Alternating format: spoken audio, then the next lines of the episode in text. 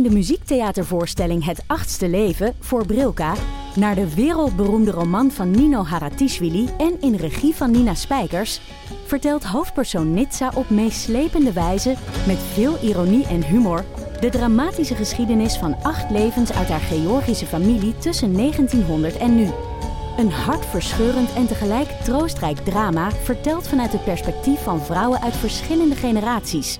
Waarbij het publiek meegenomen wordt op een emotionele, visuele en muzikale reis door de 20ste eeuw. Koop je tickets voor het achtste leven via oostpol.nl. Hallo, elke week presenteer ik, Kees van der Bos, de Groene Amsterdammer podcast. Het is een gesprek met een journalist die die week een spraakmakend artikel publiceert in De Groene. Waarom dit verhaal? Was het moeilijk om het te maken? Wat waren de uitdagingen? Wat brengt het ons? En wie is die journalist eigenlijk? Elke week een goed gesprek in de podcast van de Groene Amsterdammer.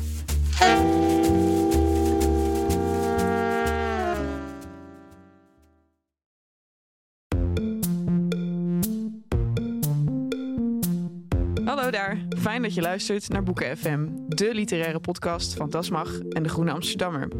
Wij nemen op in de studio van Dag en Nacht Media. Wil je nou nooit meer een aflevering van ons missen?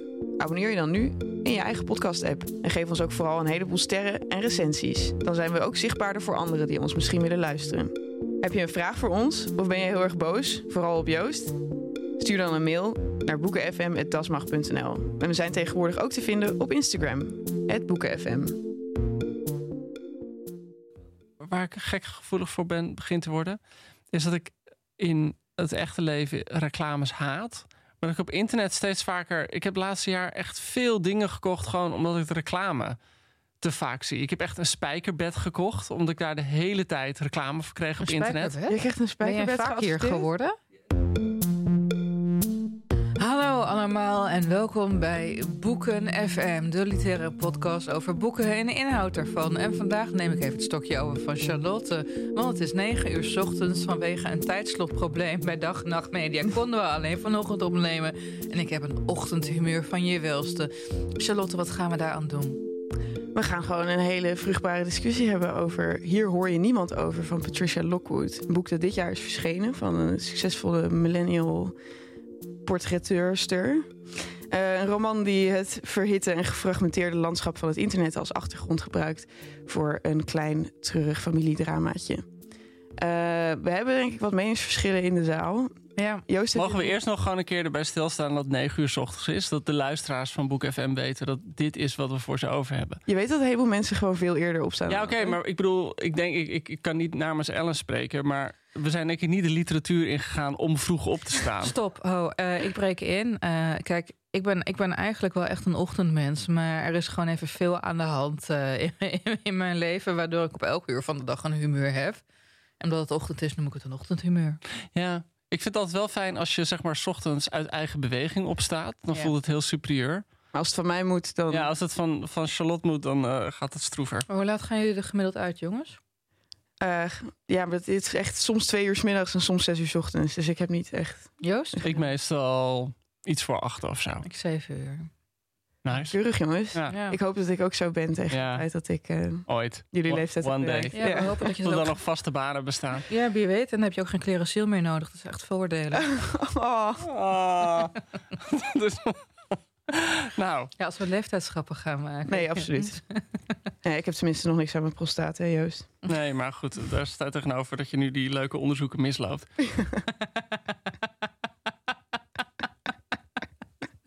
Ik moet nu echt denken aan American Pie.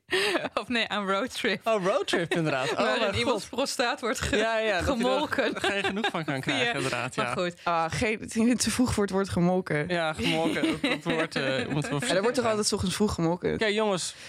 Literatuur. Patricia Lockwood. eh. Wie ben je? Wie is dat Patricia Lockwood, mensen? Ah, Patricia Lockwood, dat zal ik jullie vertellen. Die brak in 2013 zomaar uit het niets door. Hoe oud is ze? Waar komt ze vandaan? Nou, dan moet ik even op de achterkant Uit van het boek kijken. 1982, dus bijna 40. Oh, bijna 40. Ze is Ja. Amerikaans. Ze is Amerikaans.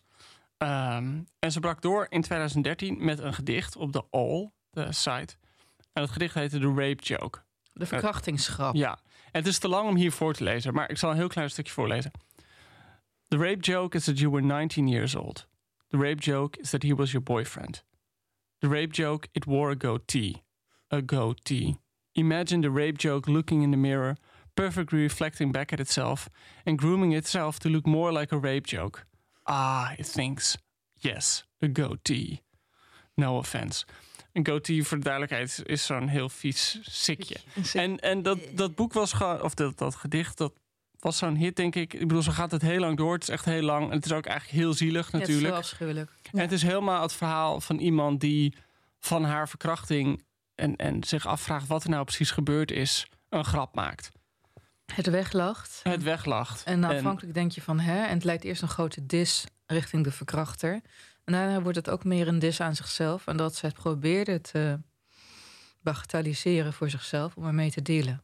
Ja, en ook dat gevoel van hoe kan ik ooit, want het was dus inderdaad haar vriendje afhankelijk, van dat je ook denkt van hoe kan ik ooit, hoe kan je er zo naast zitten met mensen? Het verhaal, wat ik een van de ergste dingen aan de rape joke vind, of, of dat dat verhaal dat vertelt, is dat hij dan de dag na de verkrachting Pet Sounds geeft. Een cd van de Beach Van de Boys. Beach Boys, ja. Ja. Vreselijk. Dat je echt dat een soort van cadeautje krijgt van, oh ja, sorry. eh, Wat Hier. vind jij ervan, Charlotte? Ik, eh, ja, ik vond het ook echt eh, heel. Het kroop wel onder mijn huid, omdat een heel groot deel ervan extreem herkenbaar is. Tot aan dit, zeg maar, onverklaarbare stukje dat zij nog probeert te verwerken. Ja. Zeg maar, dit soort vriendjes heeft iedereen wel gehad. En dan de vraag Oh, van. Dat vind ik een hele heftige opmerking. Nee, maar niet, niet, absoluut niet wat hij dan uiteindelijk doet. Nee, oké. Maar al die red flags daarvoor ja, zijn, Ja. zijn lachwekkend. En daarom is het ook een joke. een joke, deels. dat is het ook gewoon. Eh, eh, want die man is, een, is, een, is niet een soort machtig figuur. Het is gewoon een sukkel. Ja. Dat vond ik. Dat vond ik ja, en dat, dat is de eh, joke ingewikkeld aan. Dat, Het is dat iemand zo'n cliché is Ja, wat er ja. gebeurt. Het is niet een griezel in de bosjes of een, zeg maar, een CEO of whatever. Het is gewoon een sukkel met een ringbaardje. Of een stikje. Ja, een sikje. Ja. ja.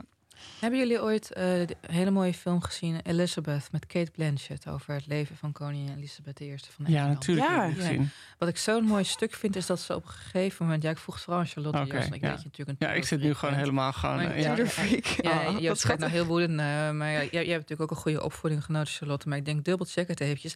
Weet je wat me zo ontzettend trof? Op een gegeven moment, tegen het einde van de film... ontdoet Elisabeth zich van al haar politieke vijanden. En daaronder zit... Zou eigenlijk Robert Dudley moeten zitten die in de film... Kijk, in het echt was het iets anders... maar in de film is hij een beetje haar mooi boy, haar boy toy... weet je Oh, wel, ja, de guy ja. met wie ze Ja, gewoon ja. lekker zoentje zoentje doet. Maar die blijkt uiteindelijk ook verwikkeld in een complot tegen haar te zitten. En dan zegt ze van, eh, jij blijft leven. En dan zegt haar handlanger, geweldige rol trouwens van Jeffrey Rush... van ja, het, het is echt onverstandig. En dan zegt ze, nou, he shall live to remind me how close I came to danger. Oh ja. Hoe de onveiligheid zo dicht om je heen zit. En met die rape joke is het ook zo vaak, het blijkt ook uit statistieken... word je verkracht, door, niet door een griezel uit de bosjes... maar Nee, het- gewoon iemand die je al jaren kent. Ja. Of iemand die heel aardig is. En eh, ik bedoel, eh, ik heb wel eens tegen mijn wil in seks gehad. Eh, toen ik op een feestje, er was iets in mijn drankje gedaan. En ik weet niet wie dat heeft gedaan, maar er was opeens een guy die mij heel erg begon te troosten. En want ik was echt in paniek. En nou, toen was er opeens een blackout. Ja. En werd je wakker in een vreemd bed. ja. Het is heel eigen tijds, denk ik ook. Dit. Nee, dit is van alle tijden. Nou, het specifieke format van het proberen te verpakken als iets ironisch. En dat niet Op die kunnen. manier, oh ja. Ja, ja. dat het dus dat het, dat het als een er een grap over maken dat dat niet toereikend is of zo. En dat, eh, ik heb het idee dat al haar werk heel erg over het internet gaat. Nou, dit, Mhm. dit Ik vind dat je echt een prachtig bruggetje maakt Ja, naar het Ja. boek. naar het boek. Ja. Nou, hierin probeert in het boek probeert ze veel explicieter om te gaan met eh, de vraag van oprechtheid op het internet. Het, het boek gaat over, hier hoor je niemand over, gaat eigenlijk over iemand die, ja, net als Lockwood. En wat ik gelezen heb in interviews met haar en, en portretten over haar, is dat eh, het leven van die ik-persoon in dit boek, eh, eh, of, of sorry, derde persoon. Zijpersoon. Zijpersoon, ja. Eh, heel erg overeenkomst met, met Lockwood zelf. En dit gaat in dit geval gaat, heeft, is ze niet doorgebroken met een viral gedicht, maar met een viral tweet. Ja. En die tweet was: kan een hond een tweeling zijn? Oh, dat is echt, dat is echt van Lockwood zelf. Nee, nee, nee. nee. Dat het gedicht, eh, ja. dat is van het personage. Maar bij Lockwood was het dan het gedicht. En bij haar was het alleen, ja, kan een hond een tweeling zijn? Waarbij je je afvraagt, wat is de grap? En tegelijkertijd is dat natuurlijk heel tijd wat het internet is. Ja. Dat dingen viral gaan waarvan je, als je er nuchter naar kijkt, denkt... hoe kan dit in godsnaam zo grappig of zo succesvol zijn? Ik vond het wel. En daarom vond ik het echt raar om het in vertaling te lezen. Eh, Door Nicolette Hoekmeijer, trouwens. Even vertaler. props voor de ja, een hele sterke vertaling. Maar het, het, het gaat omdat het zoveel gaat over die specifieke taal van internetcultuur. Die helemaal in het Engels Ja, is eigenlijk. Grappig is dat, hè? Ja. eh, eh, gaan er sommige dingen wel een beetje verloren. Dus zelfs Can Dogs Be Twins is heel instant herkenbaar als het soort taal dat wordt gebruikt op Ja. Twitter. Terwijl kan een hond een tweeling zijn is heel dichterlijk ineens. Dus het heeft een soort hele rare extra laag van literatuur overheen, omdat het naar het Nederlands vertaald is. Ehm, niet dat dat dus niet werkte, maar ehm, ja, omdat het zo'n specifieke context is van dat internet dat uit, vanuit Amerika lijkt te stromen als uit een vulkaan of zo. Is Ja. het, eh, Of uit een beerput kan je haast zeggen. ja, hè? ja, Ik vind, ik vind- dat vind ik ook een interessante opmerking, Charlotte. Want het Engels is daardoor, door die associatie met de meligheid van het internet... en eigenlijk als voor het Westen lingua franca van het online bestaan... Ja. heeft een wat belachelijke connotatie gekregen, heb ik het idee. Nou, en volgens mij ook, daar ben ik wel mee eens, omdat het ook heel vaak eh, foutief internet of oh, foutief Engels is. Ik bedoel, je hebt in Ja. heel veel, Oh ja, heel veel memes zit onhandig taalgebruik. Katten, can I have cheeseburgers? ja, ja, Ja. Eh, gewoon, eh, gewoon heel veel van dat soort. eh, het is juist dat de taal ook belachelijk wordt gemaakt. Nou, ze heeft het de hele tijd over. eh, want de hoofdpersoon is dus een expert op het gebied van internetcultuur. En wordt de hele tijd uitgenodigd om daar praatjes over te houden. En dat wordt dan in een soort absurd licht gezet, omdat zij op een vrij academische manier dan praat over hele domme internetgrapjes. En daarin vond ik vrij onterechte zelfkastijding van Lockwood zitten. Over deze tijd en over deze generatie. Want denk bijvoorbeeld aan, het gaat over, het over hoe je het woord sneeze, dus niezen, Mhm. grappiger kunt maken door het verkeerd te spellen. Ja, Dus niet met E-E-Z-E, maar met E-A-Z-E. Eh, en dat er gewoon visueel grappiger is en waarom dat dan is. Eh, en ik denk dat als we daar over 50 jaar op terugkijken of zo, dat we het echt interessante taaldiscussie vinden. Of een vernieuwing, of gewoon een experiment met de vorm, of weet ik veel wat. Terwijl in dit boek wordt het toch een beetje neergezet als een soort morele leegte, of een soort culturele leegte, dat we het daar de hele tijd over hebben. ja ik, eh, ik- nou, daar komen ik zelf wel bij. Maar inderdaad ook het onvermogen om met de rest van de werkelijkheid om te gaan. Ja. Dat je, eh, als je het maar een soort van in een meme verpakt, dan is het lekker zacht. Dat is waar, ja, daar ging de rape joke natuurlijk En- ook en- over. Dus dat bedoel ik dat het zo'n mooi brugje was. Het voelt de hele tijd aan alsof ze de hele tijd bezig is. De wereld die heel eng is. Want het gaat inderdaad over Trump. En het gaat over klimaatverandering en over racisme. Eh, hoe je dat allemaal verpakt als een grap. Waardoor het opeens ja, aanraakbaar wordt. Als- Ja, ja, dat is waar. Eh, maar- Overigens trouwens die lange lezing die erin zit. Op een gegeven moment gaat ze naar Londen om die lezing te geven. Dat is bijvoorbeeld echt zo'n lezing die Lockwood zelf heeft gegeven. Die stond ook in de London Review of Books. Ah, dus er is een overlap Er is een behoorlijke overlap. Er is een overlap. Hey, en laten we het heel even, want we kunnen nu, we gaan nu al wel best wel de diepte in over wat dit boek stelt over het internet, maar even nog over plot. Hè? We maken dus Ja. kennis met iemand die over het internet zweeft, eigenlijk de portal, Ja, de Portal noemt het steeds. als ze dat noemt. En ergeren we ehm, daar ook aan. Ja, vind ik echt een Ja, het is- het is net God, even te ja. geforceerd. En ik moest meteen Het ook is- aan Stargate denken, weet je. Oh, ja. een warp portal was. Ja, en hoe kun je in 2021 nog een soort van internetroman schrijven over het internet en je nog steeds zo verbazen over het concept internet? Of zo? Precies, Nou, precies. En Eh. ik, denk dat, ik denk dat hiermee bedoeld is om de steen weer stenig te maken. Oftewel een soort vervreemding. Dat we ook gaan denken van, hé hey, ja, als we het internet de portal noemen, denken we er heel anders over. Maar goed, Ja. jonge vrouw is ooit viral gegaan. Heeft een berg Twitter-aanhang van heb ik jou daar. Lockwood heeft meer dan 100.000 Twitter-volgers, zag ik eh, Ja. vanochtend. wow. En ehm, ze heeft het over de leegte. En de roman is eigenlijk in net zulke hapklare brokjes opgebouwd als, nou, nog net niet tweets, want daarvoor zijn de citaten net te lang. Maar het zijn, nou, ik denk alineaatjes van maximaal 20 regels. En dan gaat ze weer door naar de volgende alinea. Het zijn snippets. Het is haast een soort van, ja, tutti frutti, hè, aan ideetjes. En dat eh, moet je een half boek doorstaan. En dan opeens gebeurt iets. Haar moeder belt en ze zegt: ja, je moet nu komen. En volgens mij zit Lockwood dan ook aan de andere kant van de Ja, zit in wereld. Engeland, W- volgens mij, Engeland ja, of ja. nou goed, even twee. En wat blijkt er, en dat is eh, een belangrijk deel van het plot. Haar zusje is in verwachting. Maar ze is in verwachting van een kindje met.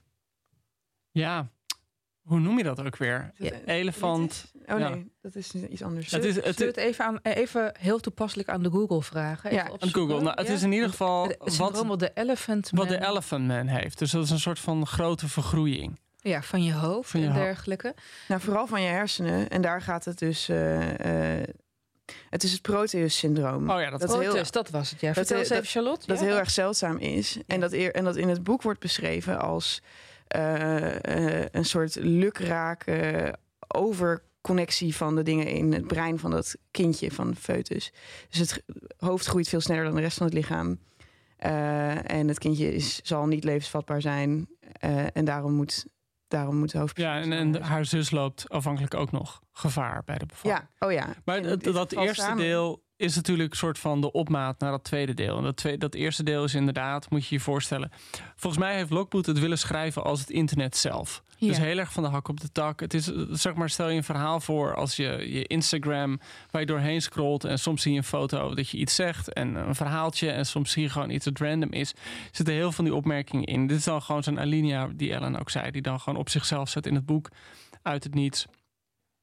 Ook angstaanjagend was dat ze zo beïnvloedbaar was. In 1999 had ze vijf afleveringen van The Sopranos gezien, waarna ze zich ogenblikkelijk wilde aansluiten bij de georganiseerde misdaad. Niet dat gedoe met die schietpartijen, maar dat ze allemaal in een restaurant zaten.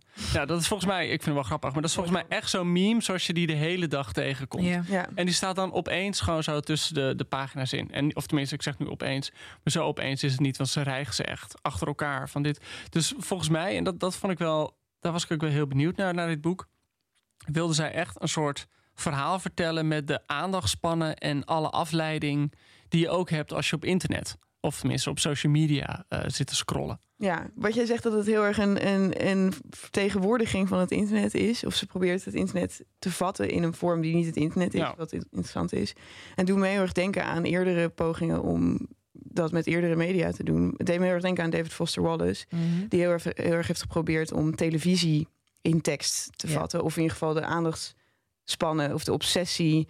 herhaalde, herhalingen en eh, het snelle wisselen dat je doet met zeppen en zo. Dat, Nou, hij had een obsessie met het gevaar van televisie en het verslavingsgevaar. Nou, Dave Foster Wallace is ook met het internet heel vergelijken. Omdat het van die boeken waren waar alles in moest zitten en alles verwees naar elkaar. Hij leek een soort pro- proto-internet. Nou, je hebt zo'n je hebt zo'n heel bekend fragment dat hij samen met Jonathan Franzen bij Charlie Rose zaten. Charlie Rose was zo'n hele beroemde, ehm, een van de weinige echt hele culturele talkshow host. Inmiddels is hij met Me Too allemaal afgevoerd. En dan zat hij samen met Jonathan Franzen, die waren allebei nog piepjong. En toen had hij de hele bekende, de bekende eh, uitspraak. Dat toen had hij het over het boek en hij vergeleek het helemaal met het internet, met de behoefte om alles samen te vatten en alles bij elkaar te bundelen. Eh, en toen zei, toen zei Charlie Rose wel, oh, your book is very long. En toen zei hij, eh, zei hij wel, hij, ja, maar het is niet zo erg als het internet. En waarop Charlie Rose toen tussen neus en lippen door zei, wel, even compared to the internet, it's long. en iedereen die een boek van Dave Foster Wallace Ja. in zijn boekenkast heeft staan, weet echt dat je denkt van, oh mijn god. Dat neemt Ja. één, één boek neemt één plank. in Ja, één plank, ja, één plank ja. per boek. Ja, maar dit Ja. was ook een verwoede poging van hem om. Hij, was, hij worstelde heel erg met zijn eigen televisieverslaving. Wou ik net zeggen, want in zijn biografie staat dat hij alleen maar voor de Ja, tv zit. ja, Met nou, zijn bandana om. ja nou, en hij moest ook steeds de televisie weer wegdoen om, om zichzelf te redden daarvan en Ja. zo.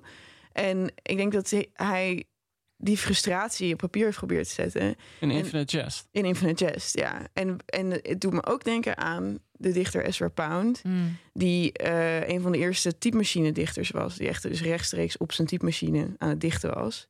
En die werkte heel erg met inspringen en met rare paragraafdingen. En met herhalingen van woorden die dan precies even lang zijn steeds. Omdat het uniform is, omdat het op Ja. een typemachine is. Dus het medium bepaalt uiteindelijk ook Ja. de inhoud. Ja, Ja. dat wie jij dat ook weer. Ellen Dekwits. Marcia McLuhan. Ja, Eh, nee, en het is natuurlijk. En, en, en Foster Wallace deed het wel op een slimme manier. Want hij heeft dan de gimmick, tenminste, dat is het verhaalelement van Infinite Jest. Dat er dan zo'n videoband is. Met daar een, een film op. Of wat is het? Een, een, een aflevering. En dat is zo grappig dat als je het gaat kijken, dan ga je dood. Want je kan niet ophouden met kijken. Zo leuk is het. ja. Dat is zeg maar het, eh, als dan het symbool voor de verslaving van tv. En dat Mhm. doet Lockwood denk ik ook. Eh, door de portal dan is dat misschien het equivalent van die videotape. Want zij eh, worstelt, de hoofdpersoon worstelt heet het met dat ze de grens niet helemaal kan voelen tussen de werkelijkheid en haar werkelijkheid. Namelijk, zij leeft op het internet, ze is beroemd op het internet. Ze functioneert daar eigenlijk als een vis in het water. En eh, oh, dat is een cliché politie, maar Merel is er niet. Ja, is niet. Ja, ja, ja. Maar zelfs eh, tot op zo'n hoogte dat ze op een gegeven moment een kopje koffie kwijt is. Gewoon in haar huis. En dat ze niet het gevoel kan loslaten dat ze dat ergens in haar telefoon heeft neergezet. Omdat ze daarin zit de hele Mhm. tijd. Mhm. Eh, wat op zich heel goedkoop metafoor is. Ja, en, en wat ze natuurlijk heel duidelijk beschrijft, en eh, er zitten af en toe inderdaad van die meer essayistische passages in, eh, is dat het dat internet, die, die, die wereldbeleving via het internet, ehm, alles opslokt en ook alles duidelijk maakt op een gekke manier. Ik lees u voor. Het was een plek waar ze wist wat er zou gaan gebeuren. Het was een plek waar ze altijd de juiste kant zou kiezen. Waar het falen in de geschiedenis zat en niet in haarzelf. Waar ze niet de verkeerde schrijvers las. Geen enthousiasme voelde opvlammen voor de verkeerde leiders. Niet de verkeerde dieren altijd juichten bij stierengevechten. Kleine kinderen liefkozend aapje noemden. Geloofde in sprookjes of mediums of het fotograferen van geesten. Zuiver bloed of onlogenbare bestemming en nachtlucht. Waar ze geen lobotomie liet uitvoeren op haar dochters of haar zoons en naar het front stuurde. Waar ze niet, wa- waar ze niet was onderworpen aan de getijden en stromingen en de stormen van de tijdgeest. Waaraan niet viel te ontkomen behalve door genialiteit. En zelfs dan sloeg je vermoedelijk je vrouw. Liet je je kinderen in de steek. Kneep in de billen van die dienstmeisjes. Had je überhaupt dienstmeisjes? Ze had gezien hoe de eeuw haar ontknoping naderde en ze had geweten hoe het allemaal zou uitpakken. Alles was besloten door een hemel in lange zwarte rechte toga's. En zij zweefde erboven, als het hoofd, en zag alles, echt alles, achterstevoren, achterstevoren. En keerde zich angstig af van haar eigen stralende dag.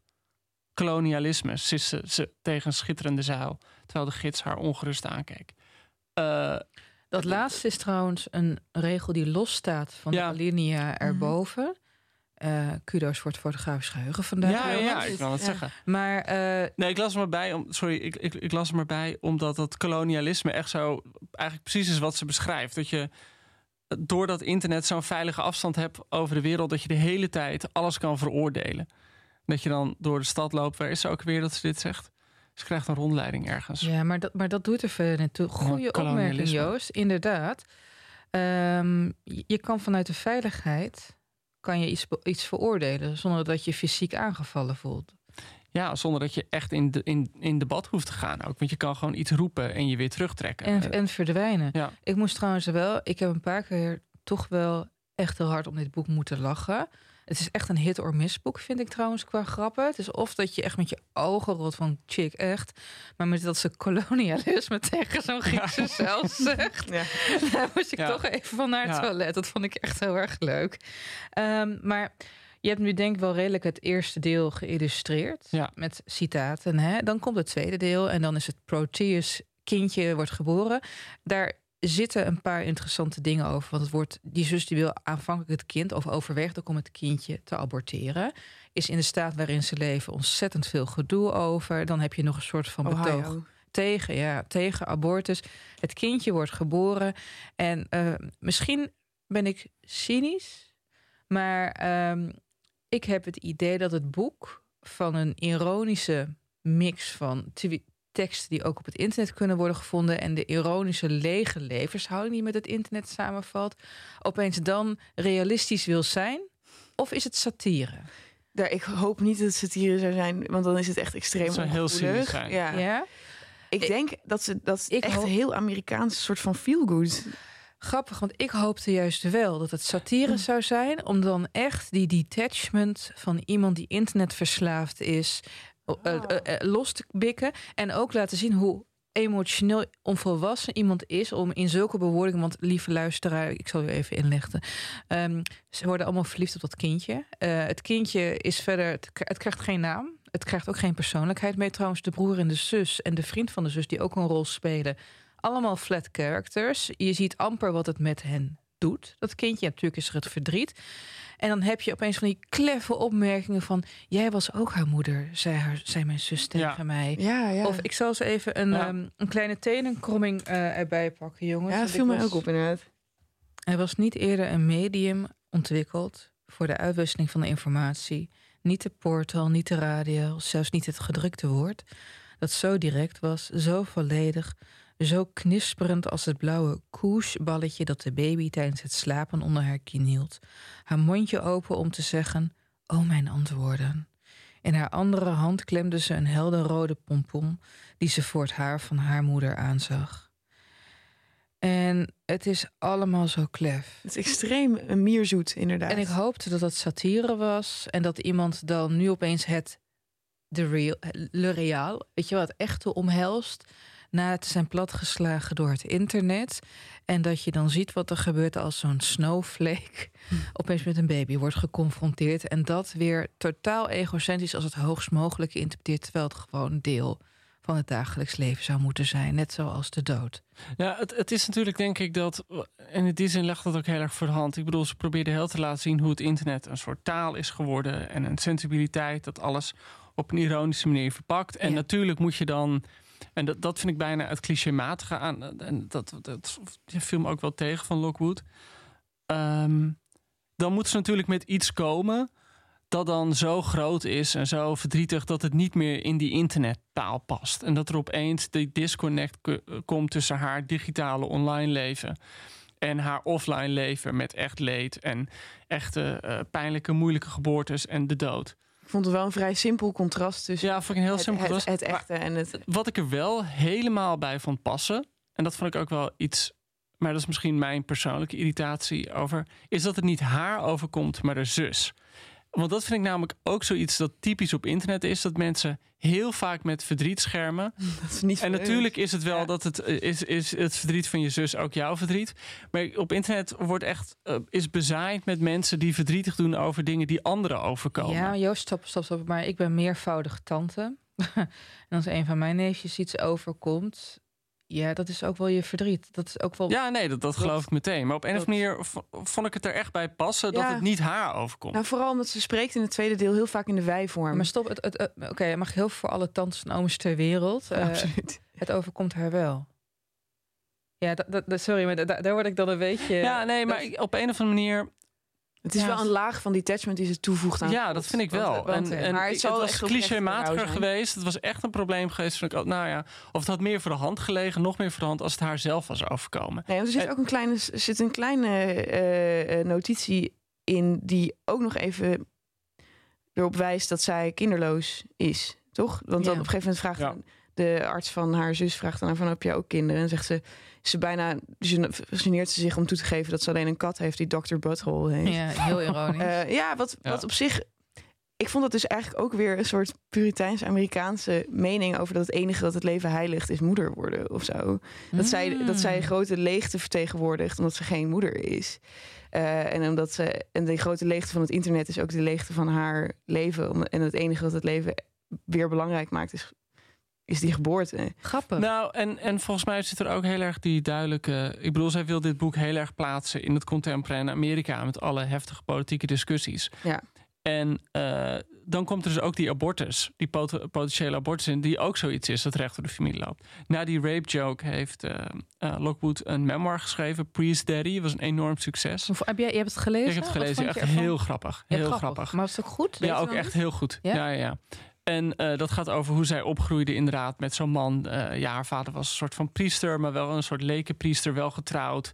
Ze had de hele tijd gitaarmuziek te maken en te drinken. En, en, maar ook een totale hillbilly, super conservatief, heel erg pro-Trump uiteindelijk.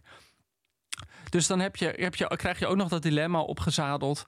waarin die, die zus dan uh, duidelijk wordt dat het niet goed gaat met uh, de zwangerschap. En dan krijg je dat, de vraag van: oké, okay, moet er een abortus plaatsvinden? Ja, dan heb je dus die vader die dan eigenlijk alleen maar zo'n beetje is van: nou, dit is hoe God het wil. En zo moet het nu eenmaal gaan. En dus, dus je had ook het idee God van. het ook te willen. Dat vond ik wel frustrerend. Ja, ja, dat het kindje leeft tegen alle verwachtingen in nog een half jaar. Ja. En is ook nog eens betoverend schattig, terwijl het een hele enge ziekte heeft.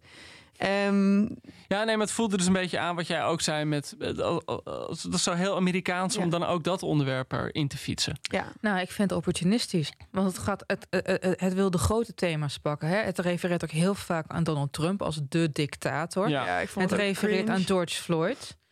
Weet je, er wordt een man klem Floyd gezet. George. Wat? Floyd, nee. George Floyd. George Floyd, ja, sorry. Floyd. Er wordt een zwarte man klem gezet. Mhm. Het refereert aan van alles. Maar het allerbelangrijkste, wat echt, uh, als het zich afspeelt in de, tijd, in de nadagen van Trump en tijdens de crisis rondom Black Lives Matter, een van de allerbelangrijkste dingen die ik extra interessant zou hebben gevonden wanneer je thuis een ziek kind hebt en internetverslaafd bent, ontbreekt, namelijk de pandemie. Ja, maar ik vond hem dus wel al sluimeren. Want dit is verschenen nadat de pandemie begonnen eh, was. Ze heeft het op een gegeven moment Ja, over ze heeft het op een gegeven moment wel over zo'n infectie. Die, Over dat eh, Trumpisme. Of nee, wat is het? Wat noemt ze nou een infectie precies? Haar vaders politieke opvattingen. ja, maar ze heeft het niet over corona. En ze heeft Niet het expliciet. Nee, nee. Nee, en dat vind ik lui. Dat ik denk van ja, als je het tof wil doen en dit wil aan, want kijk, Black Lives Matter moet je ook zien, die, die, die- dat kon erupteren door de pandemie. Ja, dat had wel mee te maken. Ik vind het wel grappig, want je hebt wel helemaal gelijk. Ik had, het, ik had helemaal bedacht van ja, oké, maar dit boek is in het voorjaar in Amerika verschenen. Dat betekent dat, dat het een half jaar, minstens een half jaar eerder af was. Want in Amerika zijn die productieprocessen heel lang.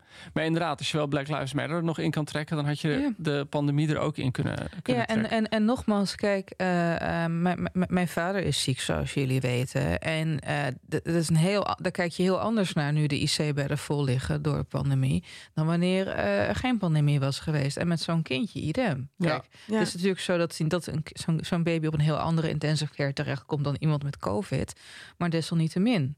Ja, ze staan ook met z'n allen om dat kindje heen en zo. Maar ja, goed, misschien speelt het zich Ja. toch net een jaar eerder af of zo. Ik, vind- was wel blij om even niet over de pandemie te lezen. Maar het had er wel heel erg Ja, tussen Ik gepast. vond het slordig. Ja, het was Heel wel. slordig. Want, want Ja. ik denk dat je inderdaad, ze had een heel extra, een heleboel van die extra dingen, eh alineaatjes kunnen toevoegen over online die lezingen geven, wat ze stellig ook heeft gedaan. Eh, want dat maakt het nog een stuk gefragmenteerder allemaal en vervreemder. En geïsoleerder. De Ja. portal is al isolerend. Dat je de wereld over mag reizen om over de portal te praten. Zorgt eigenlijk dat je weer een connectie hebt met het fysieke. Kijk, weet je wat heel erg. De, de, de dichotomie tussen het virtuele en het vleeselijke staat eigenlijk centraal in dit boek.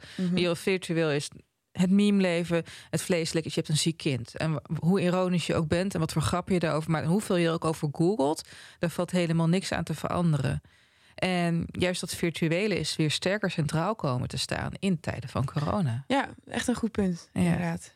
Maar Hey, goed, misschien eh, nu we het over het virtuele hebben, dacht ik misschien is het tijd voor buiten het boekje. Oh, Oh, nou, goeie. Ja, Ehm, trouwens. Wat wil je weten? Nou, jullie zijn eh, op een heel ander tijdstip geboren dan ik in deze geschiedenis. Ga je dat nou elke podcast, Ja, ga je dat nu benadrukken? Ja, nu, nu ik ben gepest met mijn acne, vind ik dat ik alles mag. Jongen, je, je liep de vorige keer maar ook te shamen van ja, op jouw leeftijd. Ik had niks gedaan, Ik, niks ik had nog niks gezegd. Dat begon over mijn prostaat. Je, je Ik het meeste van ons alle twee bij, van ons alle drie bij elkaar voor deze podcast. En dan Eh, krijgen alle... Buiten de microfoon om word ik hier stevast 17 genoemd. Nee, eh, maar we zijn allemaal wel eh, op het internet opgegroeid voor een deel. Ehm, ik vraag me af, eh, nu we het hebben over kunstmatig en echt, wie zijn jullie op het internet? Als je alleen maar. Je wilt social media persoon. Ja. Ja, sorry. Ja. Je moet wel je- zeggen dat we die vraag gejat hebben van de, de, de uh, Monika Geuze fan Ja, die er altijd mee beginnen van Doortje Smittenhuis en Lena Bril. Ik dacht, ik praat er even aan. Ja, nee. ik vergeten waar we ik dit zeg het vandaan maar Gewoon anders dan... eh, oh ja, wie ben jij op social media en wie ben jij in het echt? Ja, ik heb jouw Instagram even bijgepakt, Joost. Oh, Ehm, je hebt een privé-account, maar ik mag je volgen. En ik heb hem, ja, ik, ik heb hem, ja ik, volgens mij heb ik hem weer van privé afgehaald. Ik, kreeg, ik had op een gegeven moment een stuk geschreven over Thierry Baudet in The Guardian. Als schrijf je over Thierry Baudet in De Groene, geen probleem. Ja. schrijf je een stuk over Thierry Baudet in The Guardian... dan krijg je dus echt binnen, binnen een, een dag gewoon eh 6000 eh, verwensingen. Dat was echt eh, niet Oh, normaal. echt? Echt Ja, dat was echt, ja, echt heel grappig. Ik zat zo dat kon studio, gewoon ik had hebben. gewoon een leuke foto en toen had iemand er onder gezet... hey, vies varken. Toen dacht ik, hey, wat is dat een grapje? en toen opeens viel het me op dat ik gewoon allemaal reacties kreeg... op allemaal foto's van allemaal gasten die me echt eh, eh, voor vreselijke shit uitmaakten.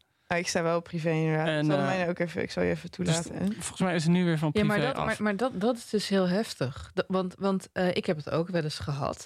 Dat ik een column had geschreven waar heel veel mensen echt woedend eh, over waren. Ja. Eh, wa- wa- wa- wat trouwens niet over mijn mening ging, maar over het idee dat ze van mij hadden. Ik had iets geschreven over het klimaatrapport. En toen zeiden, eh, en niet eens, ik had geen oordeel ingezet. En toen zeiden mensen, ja, maar je hebt ook gevlogen. We hebben vliegtuigfoto's van je gevonden. Ik zei, ja. Ah. Hallo, ik bedoel, allereerst op mijn stuk, ik had een ironisch stuk geschreven. Ik denk, eh, weet je, als even kijken of mijn linkse bubbel hier ook helemaal kapot op gaat. Maar het waren, was mijn rechtse bubbel die heel boos op mij werd. ja. Eh, en toen kreeg ik ook mensen die dingen onder mijn foto's gingen Ja. plaatsen en zo. Maar kijk, een vriendin van mij die wordt eh, chronisch belaagd. Dat is bekend in Nederland. En als ze weer iets in de media zegt, dan loopt iedereen te zeggen: Ja, dat mag niet. ah." En zij heeft dus via Instagram is er blijkbaar een trucje dat je zoekwoord, dat je woorden kan aangeven. Dat wanneer mensen dat in een reactie onder jouw foto stikken, de reactie automatisch wordt verwijderd. Ja. Oh ja, dat- ja, je kunt in ontzettend creëren ja. wat er voor reacties Ja, onder ja, ik wist het niet. maar Dat, dat zegt ook iets over dat het nodig is. Ja, dat Ja. moet dan weer een safe space zijn als we nu toch kritiek op. Nee, maar het gekke is, en ik denk dat dat dus eh, niet alleen dit hoor, maar ook gewoon zonder, die, zonder dat je dan af en toe zo'n haat krijgt, is dat denk ik ook wel het verschil dat je, eh al zou ik het verschil, ik denk dat ik in de dagelijkse omgang best wel spontaan ben, Eh, maar op internet ben ik gewoon bij driekwart van wat ik post, ben ik het een, een kwartier lang aan het posten en een tekstje bij halen en dan plaats ik het uiteindelijk niet. Omdat Oh, ik ja. altijd denk van, ja, oké, hier zit ook niemand op te wachten. En ja, waarom doe ik dit eigenlijk? Ik bedoel, ik heb dan alleen dat ik als ik op vakantie ben, dat ik net iets vaker post. En voor de rest doe ik vooral gewoon boeken die ik aan het lezen ben. Ja, Ik denk, inderdaad. dat is altijd gewoon leuk voor Oh de ja, ik, zie het. ik pak uitgeverij. even en jouw Insta erbij. Ja, het beeld dat ik van jou heb, staan- als ik nu je Instagram- heel ja, weinig ja, stop, eh, stop. We gaan je even lezen. We Ja. gaan je even lezen. Het, als nou, ik nu dat kan zo, zo moet gaan. kijken Ja. van wat voor iemand is dit en ik kende jou alleen van je Instagram, dan heb jij jezelf neergezet als een heel succesvol en bereisd iemand die een heleboel boeken en tijdschriften leest. Ja, Ja, en, en, en, en dan vind ik ook grappig. Hoezo tijdschriften? Dan heb ik je, zie ook een heleboel tijdschriften. Maar dan heb je ook, dan lees je, lees je ook echt super boring boeken zoals Umberto Eco, De Slinger van Foucault. Maar goed, dat terzijde. En dan heb je tussendoor, dat vind ik dan interessant, Charlotte. Kijk eens even naar die derde foto. Ja. Dan sta je daar in een soort hotpads. Ja, dat Ja, hotpants. Ik dacht, dat Ik mensen moeten van- ook gaan weten dat ik ook gewoon iemand ben die hotpants staat. je- Dit was ook een meme, hè? Inseam length. Het ging over hoe kort moeten korte broeken Ja. bij mannen zijn. Ja. Dat was echt het hele ding deze zomer. Dus ik vind dat je je goed aan de meme hebt eh, gehouden. Oké, nou, ik, Nee, maar goed, ik- niet van de meme bewust. Maar Joost, maar, wie, wie, wie, wie probeer jij te zijn hiermee? Nou, we- weet je waar ik heel erg mee bezig ben met Instagram? Dat de foto's mooi naast elkaar staan op de wall. En dat, Ja. de, dat de kleuren in elkaar overlopen. Dus Ja. ik heb gewoon af en toe groene periodes en dan heel veel blauwe periodes. Ik en dan denk het. ik, oh, dit staat leuk naast, naast die andere dingen. Het is, het is een klein Zo, beetje autistisch, maar dat vind ik wel... Dat is voor mezelf is dat gewoon een, eh, een plezier. Maar er zit ook ijdelheid in. Want ik zie hier Ja, een, foto ja. van 1 augustus 2020. En dan sta je, heb je de, dan sta je, dan kijk je heel erg George Clooney de camera in. Is dat met en staat onder wc-selfie met mondkapje. Why not? Terwijl je weet... Weet je wel, kijk, ik ben natuurlijk altijd fan van je, Joost. Het is een hele lieve, schattige, mooie foto van jou. ja, maar En ik dacht, mag ik ook gewoon een keer? Ja, tuurlijk, je mag ook. Ja, maar, ja Maar het pijnlijkste is gewoon dat als je dan... Dan plaats ik gewoon een of andere eh, foto... Gewoon omdat ik me verveel van... Een kunstenaar en die krijgt dan 6000 meer likes. Maar ja, dat is natuurlijk omdat die eh, eh, mensen dan misschien op die naam zoeken. Ja, even, ik ga, ik- zullen wij even de, de, de, de, de Insta-persoonlijkheid van Charlotte erbij pakken? Ja, ik ben nu al klaar om mezelf te verdedigen. Charlotte heeft eh, foto's van zichzelf en haar vrienden en katten. Zoals elke ja, Ja. Gen nee, absoluut, ook Ik zie dat je ook drinkend daarop staat en zoenend met je vriendje. Dus territoriaal, maar je bent toch een leuke meid. Eh, niks van boeken. Ehm, Dat is interessant. Ik lees Bijna elke foto sta jij zelf. ja, elke foto sta je zelf. maar ja, kijk, nogmaals, Charlotte, als wij zo jong en mooi waren als eh, wij vroeger waren, hadden we dat ook gedaan. Nou, ik moet zeggen dat het is wel... De opgave Dat die ik zie in je Instagram-account is dus niet... Ik hou me niet bezig met mijn feed. Nee? Ik hou me wel bezig met van... eh, ik ben er nog en ik zie er zo uit. En Oh, ja. jullie mogen niet vergeten dat ik er ben. Of zo. Charlotte, je bent heel fotogeniek trouwens. Wat een mooie Dankjewel. Nou, dit zijn, dit zijn wel echt de, de uitzonderingen, dit. Oh, schatje. Je hebt zelfs een bikinifoto van jezelf erop Oh, gezet. mijn god, Ja. Maar Joost, luister, wij zouden van ons ook een bikinifoto, als wij 18 waren, erop hebben Ja, gezet. zeker. Oké. Ja, maar goed, vinden jullie, zouden jullie iemand die dan dit soort foto's heeft en je verder niet kent, wat zou je daar dan van denken? Ik zou denken, die is eh, echt jonger dan ik. En ik zou denken, ja, weet je, I don't care. Wat, wat ik storender vind, en eh, misschien kunnen we mijn Insta-feed erbij, Ja, eh, er- erbij pakken. Kijk, ik heb We deze... hebben echt veruit de meeste volgers van ons. Ja, maar ja, maar ja, ja. Hey, volg, Ja. ons, volg ons allemaal, luisteraars. Volg ons op Instagram. Ja, weet je, kijk, ik probeer, ik probeer af en toe probeer ik een, een, een beetje dingen voor boeken erop te doen. Het, het is ook, kijk, als je podcast maakt, ik heb voor, voor de Jan Hanlo reclame, reclame een hele leuke podcast gemaakt, maar ook voor, eh, voor de Hermitage, dan willen ze dat je er ook even wat over schrijft. Ik eh, probeer er wat dingen op te zetten over mijn cavia's, want ik vind het gewoon belangrijk. Ik Ehm, weet dus nu pas dat je cavia's hebt. Wat? Wat? Ah, Ja. heb je duidelijk nog nooit lang genoeg met eh, Ellen gepraat. Nee, nee, nee. Jullie praten Eh, nooit met mij. Nee, we, we, we, we, we appen wel. we geven altijd En opdrachten. verder, kijk, jullie ik heb vertelden laatst dat jullie voor de podcast met elkaar bellen. En ik het echt van... heel eenzaam. met mij. ja, en verder, kijk, als ik, het- als ik heel het is, het is verder allemaal reclame voor, voor onze podcast. Het is reclame voor mijn bundel. Dat verwacht ook je uitgever een beetje. Althans, mijn uitgever verwacht dat ook van me, maar ik ook van mezelf. Want ja, wij van WC Eend. En voor de rest wat van mijn reizen. Nou, wat ik wel leuk vind is dat jij veel foto's met andere mensen hebt. Dat doe ik dus, dat doe ik dan weer nooit. Ik ben altijd gewoon. Alleen. ja, nou, alleen. Een man en zijn boeken. Nou, grappig Joost, want, want, want ik, ik heb maar één foto van mij en mijn geliefde. En er staat niet eens bij dat het mijn geliefde is. Ja, maar jouw vrouwtje is helemaal nergens te bekennen. Waar is jouw nee, maar ik, vind dat gewoon. Ik probeer dat altijd gewoon allemaal te verzwijgen. Ik bedoel, eh, ik ben daar wel territoriaal in. Hitler, eh, Ja, zie. Hitler hield Eva Braun ook gewoon weg voor de rest van Duitsland. Hij had wel wat anders aan zo zijn hoofd. Ook een ook. beetje met eh, de luisteraars van Boek FM ook. Die moeten gewoon kunnen dromen. En dan moeten Ja. ze Maar dat jij nog beschikbaar zou zijn. Sophie, eh, zien. Ja. Ik Nee, zie maar ik vind dat altijd wel echt gewoon. Ik moest wel lachen. Jij had echt van de week zo'n foto dat je opeens aan het zoenen was met je vriend. Dat ik echt dacht: oh, oké, oké, wat, eh, wat, wat moet er hier gecommuniceerd worden? Nou, het is ook, weet je, dat, ik heb daar wel een goede reden voor. Het is een soort comeback tour, want hij heeft het op spectaculaire wijze uitgemaakt een half jaar geleden. En dat heb ik toen aan iedereen verteld. Ja, heb je stukken Oh, over Daar geschreven heb ik in de stuk over groene. Oh, in de Groene Amsterdammer. En want het zo Hardcore.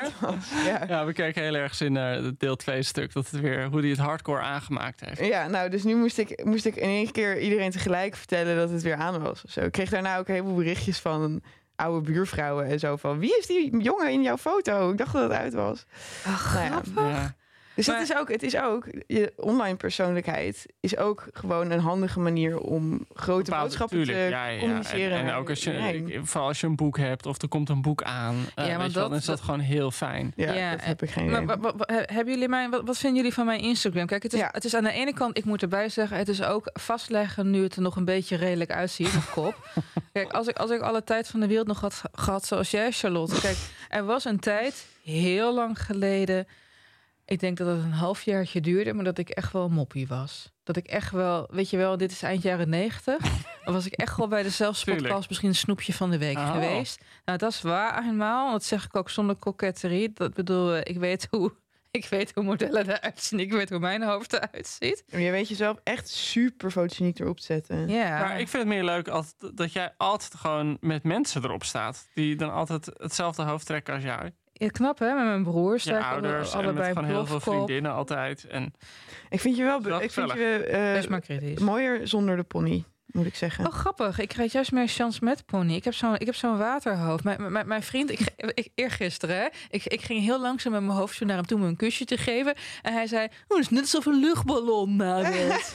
Dat nice. is echt de liefste. ja, dat is echt te lief. Nee, oké, maar is er, eh, welke mate van kunstmatigheid zit er dan in jullie online leven? Oh, veel. ja, je? weet je, luister, het, is- het, is, het, is, het, is, het is reclame. Het is wel af en toe dat ik, en dat, dat doe ik, deed ik meer via Facebook, ook mensen wil vragen van, jongens, ik, ik ben echt, ik weet hoe de wereld werkt. Leg mij dit uit, leg mij dat uit. Bij Amsterdam durf te vragen. Geweldige ja, ja. site.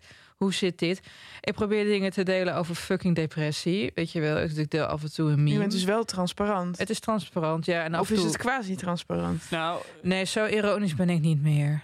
nee, maar het is ook, ik bedoel, kijk naar mezelf. Het is op geen enkele manier nep, maar het is natuurlijk gewoon gecureerd. En Ja. ik bedoel, ja, ik post geen Dus- boeken die dus- ik niet aan het lezen ben. Maar ja, oké, inderdaad, er zijn ook momenten dat je gewoon, dat je in de, je maakt niet die foto dat je gewoon om, om zeven uur s'avonds gewoon nat geregend in de Albert Heijn staat. Gewoon een uur voor de, voor de opwarmmaaltijden en niet kan beslissen. Ik bedoel, dat, ja, dat, is het, dat is gewoon echt een, een groot deel van wat het dagelijkse leven is. Wat ja, een dat zet je haunting niet- beeld is dit. Ja. dat, dat zet je niet op. eh, nee, ik heb echt nog nooit een opwarmmaaltijd. eh, eh, wat ik wel merk, dus, waar ik gek gevoelig voor ben, begint te worden, is dat ik in het echte leven reclames haat. Maar dat ik op internet steeds vaker. Ik heb het laatste jaar echt veel dingen gekocht, gewoon omdat ik de reclame te vaak zie. Ik heb echt een spijkerbed gekocht, omdat ik daar de hele tijd reclame voor kreeg op internet. Je krijgt een Ben jij spijkerbed vaak hier geworden? Ja, nee, ja, maar dat, dat je dan. Het is dan niet met spijkers, maar met van die plastic punten. En Ja. dan moet je dan op gaan liggen. Waar ten behoeve van? Nou, dan krijg je een betere bloeding. Sinds dit weekend heb ik een skincare routine. Ja, Lotte, daar wil ik het met jou zo meteen even over je hebben. bent helemaal in En, eh, want ja, ik heb daar, ik heb daar zelf al, ik heb daar nou, zelf al Joost? advertenties van gehad. Dat ik nu echt gewoon, gewoon charcoal eh, eh, Ja. scrub heb. Maar ja. Luister maar, maar je hebt een En- hele goede huid, maar het had je altijd al. Waarom heb je dan nu opeens een skincare Ja, omdat ik de hele tijd reclame ervoor zie. Het Ja. ziet er zo goed uit. Dan ga je het zo Oh. wrijven. En dan, dus ik, ik kan dan elke keer niet slapen omdat mijn huid te veel brandt. Zeg maar, omdat er zo'n... Klinkt niet alsof je de juiste routine Nee, pakken misschien hebt. heb ik nog niet helemaal goed. Maar dat, goede. en Zie je dat, Charlotte? Hij heeft echt een goede huid. Ja, Maar I know. Ik zit hier al. ontzettend... eh, nou ja, Oh, maar- maar- maar- maar- toen ik, maar- toen ik mag je- 15 was, Charlotte, had ik ook geen goede huid hoor. Mogen we even uit de oude... Mag jou even een tip? Je hebt af en toe acne dus. Weet je wel? ik liep zo... Ik, ik, Sorry, ik, had echt... Ik, nee, maar sorry. Ik had op jouw Het is leeftijd... wel waarom ik radio ben gaan doen. En niet Nee, schatje, hè? maar je bent heel mooi. Maar ik had op jouw leeftijd oma verteld... zat ik- was ik ook echt had ik een QWERTY-code van mee-eters en witkopjes op mijn hoofd, weet je wel. Maar weet je wat bij mij het grote verschil maakte? Elke dag mijn hoofdkussen verwij eh, verwijderen, eh, verschonen. Oh. Ja, ik heb er meestal niet zo'n last van. Ik heb, me het gewoon, eh, ik heb me een spiraaltje laten zetten. Dus ik zit nu hormonaal een beetje in Oh, je bent een Oh. beetje hormonaal in de war. de war. Ja, Oh, daarom. ja. eh, je hebt me ook ja, absoluut goed. nog niet op de toppen van mijn kunnen meegemaakt. Nee, nee. Nee? Nu we toch alles op tafel aan het Ben je gooien nog zijn. mooier Ja, we zijn in het echt? aan het gooien. Dat is echt meer dan ik aan kan. Ik heb gewoon, volgens mij ben ik jarenlang of, gaan slapen met tandpasta zo op mijn gezicht. Want dan zouden ze ik uit. ook. Ja, Tandpasta? vreselijk. Ik had. Dat Ja, was dan, dan. Nou, ik had dat denk ik toen ik Nee, 13 of Niet 14. zeggen, niet zeggen. Het is heel slecht voor Nee, ja, maar nee, het- jongens. maar Mijn huisgenoot die is echt koning van de skincare routine. Die probeert me de hele tijd aan de salicylzuur te helpen. En Ja, de chemical peels. maar dan moet je wel de, de dagen erna Maar- factor 100 op je hoofd. Nou, oké. Moeten we nog terug naar het boek? Ja, Eh, want- Nou, ik ja, dus- ik merk dat ik het, die, stop ehm, even. Ik merk dat ik het leuker vind om met jullie nu te praten over skincare routines dan over deze roman. ja, dat, dat zegt Ja, iets jij bent over- geen fan, hè? Het gekke is wat, ik, wat ik dus moet zeggen van, van Lockwood. En het, het is, het is nou ja, ik, ik ga niet zeggen dat het mijn schuld is. Ik was gewoon heel benieuwd naar dit boek. En ik heb het ook met heel veel interesse gelezen. Meer met interesse dan liefde. Dat Lockwood, nou, ze heeft en die memoir geschreven. Dat soms als ik met iemand naar bed ga. Meer uit interesse. Gewoon gebiologeerd. En ehm Lockwood heeft dus die, die memoir geschreven, Please Daddy. Die was echt heel goed en heel grappig. Ze schrijft nu met enige regelmaat voor de eh, London Review of Books. En dat zijn essays die ook echt steen en steen goed goed, zijn. Haar ja. stukken over John Updike zijn en heel grappig. En ze geeft een perfecte lezing van die boeken. Dat is echt Ja? iets dat zij zo goed beheerst.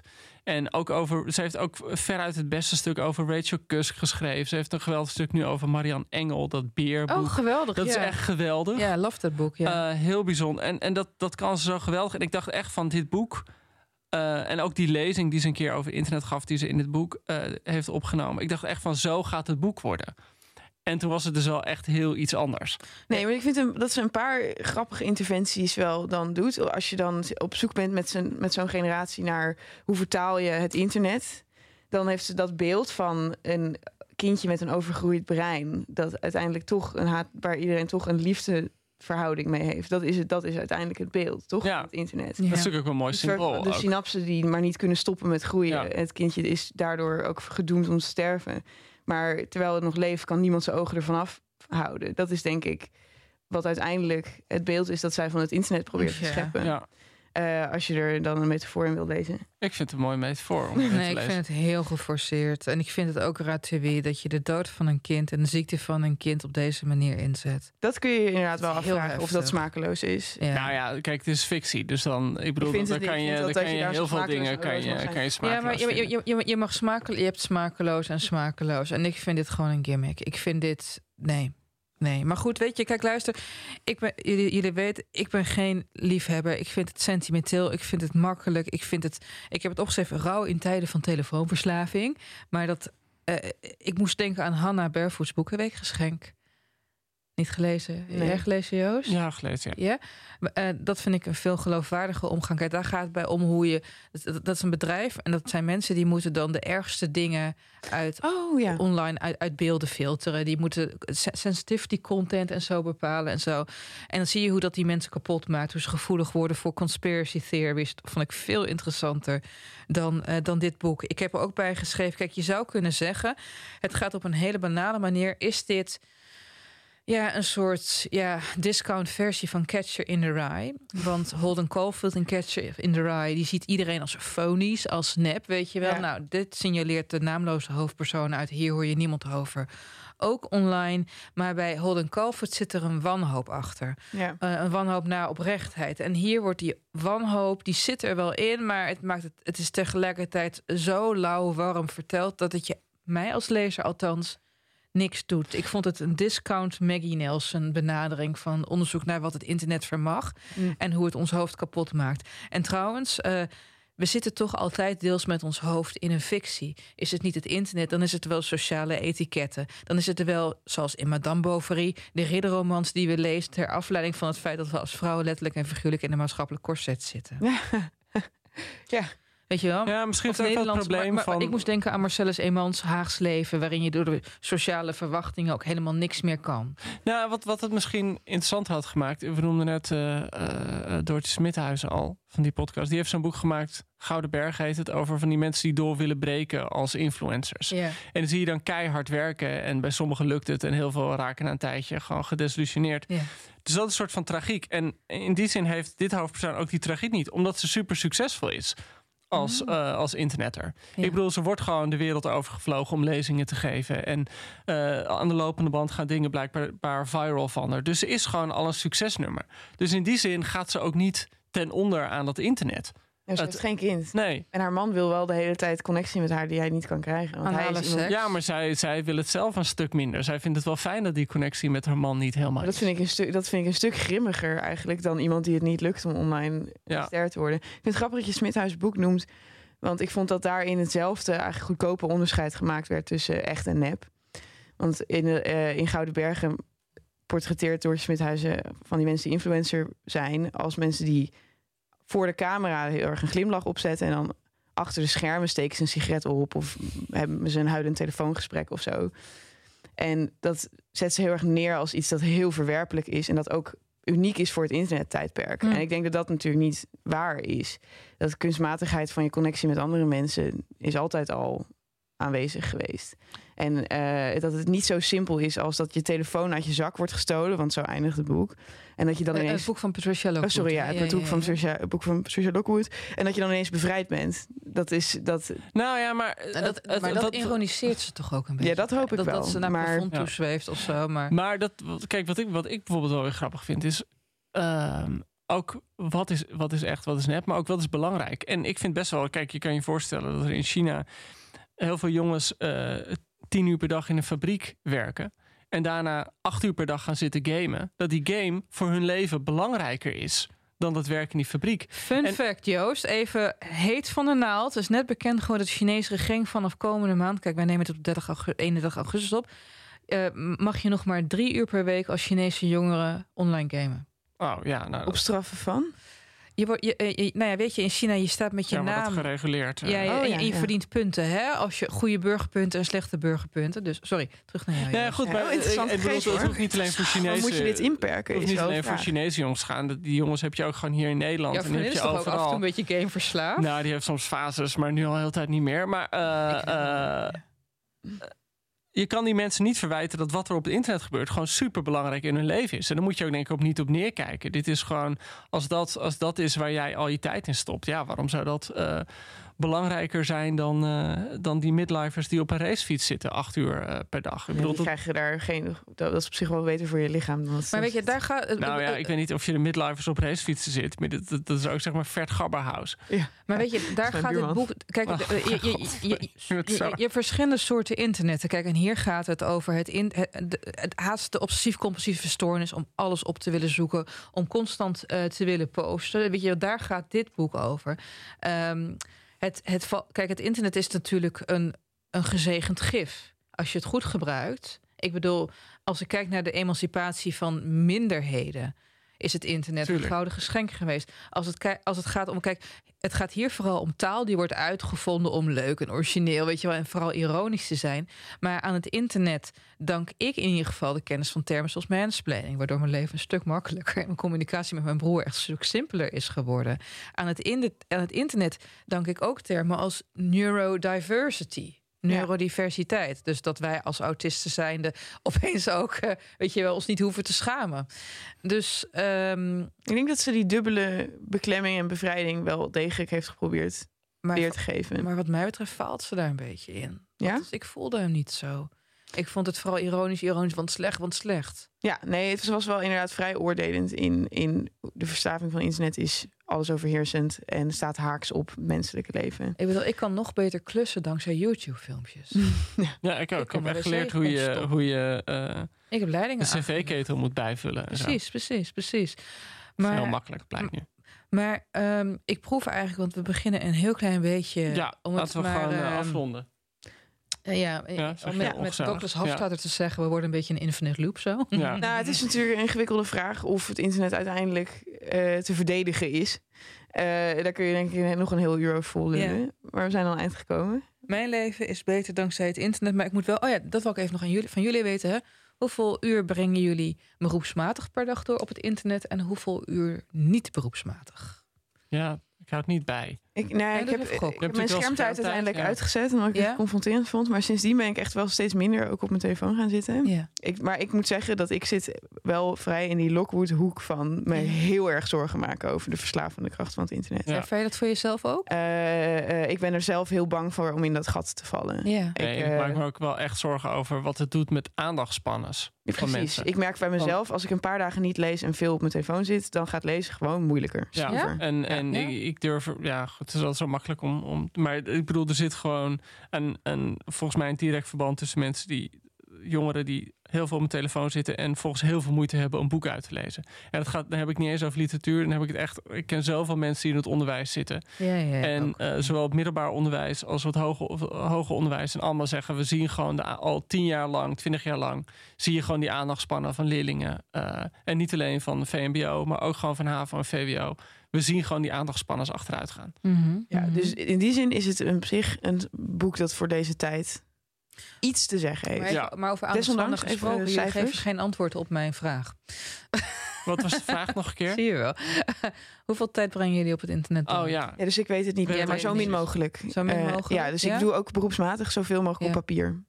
Oké. Maar ja, goed, ik, ik, ik, zit bij de Groene gewoon de hele dag achter mijn mail en ik moet dingen opzoeken en zo. Dus, dus ik zit daar gewoon eh, vele uren per dag achter. Ja, ja. Maar ja, dat, ja dat, dat is ook je werk gewoon. Ik, pro- ik probeer, ik denk dat ik twee uur beroepsmatig per dag, dus met mail en achtergrondinformatie.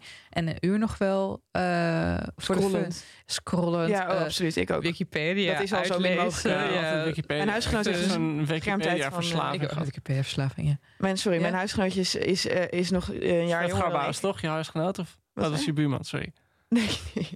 Eh, eh, die is nog een jaar jonger dan ik en die zit heel erg op TikTok. En eh, die heeft een schermtijd van 6,5 uur. Ja, dat Zo, lijkt me echt. Eh, eh, ja. dus ik zit wel heel erg dicht bij de portal in Ja. mijn huisje in Utrecht.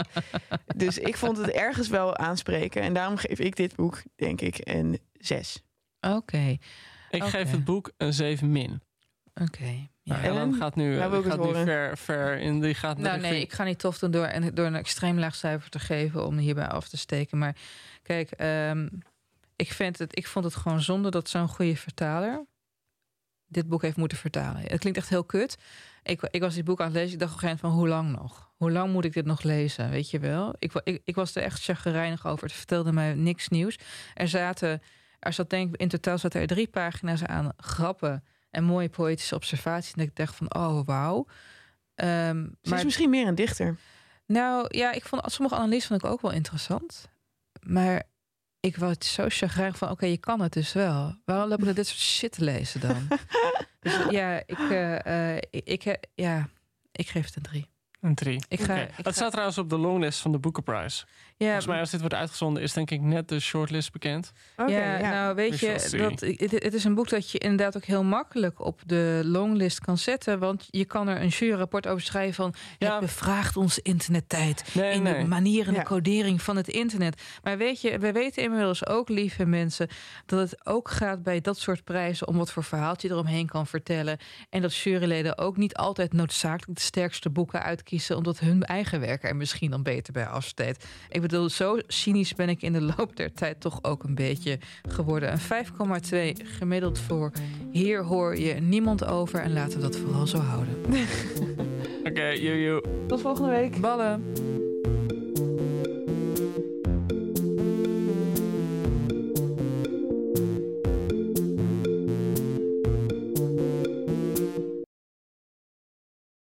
Nog even over die grootse en epische muziektheatervoorstelling. Het achtste leven voor Brilka is een marathonvoorstelling van 5 uur. Koop je tickets voor deze bijzondere theateravond via oostpol.nl.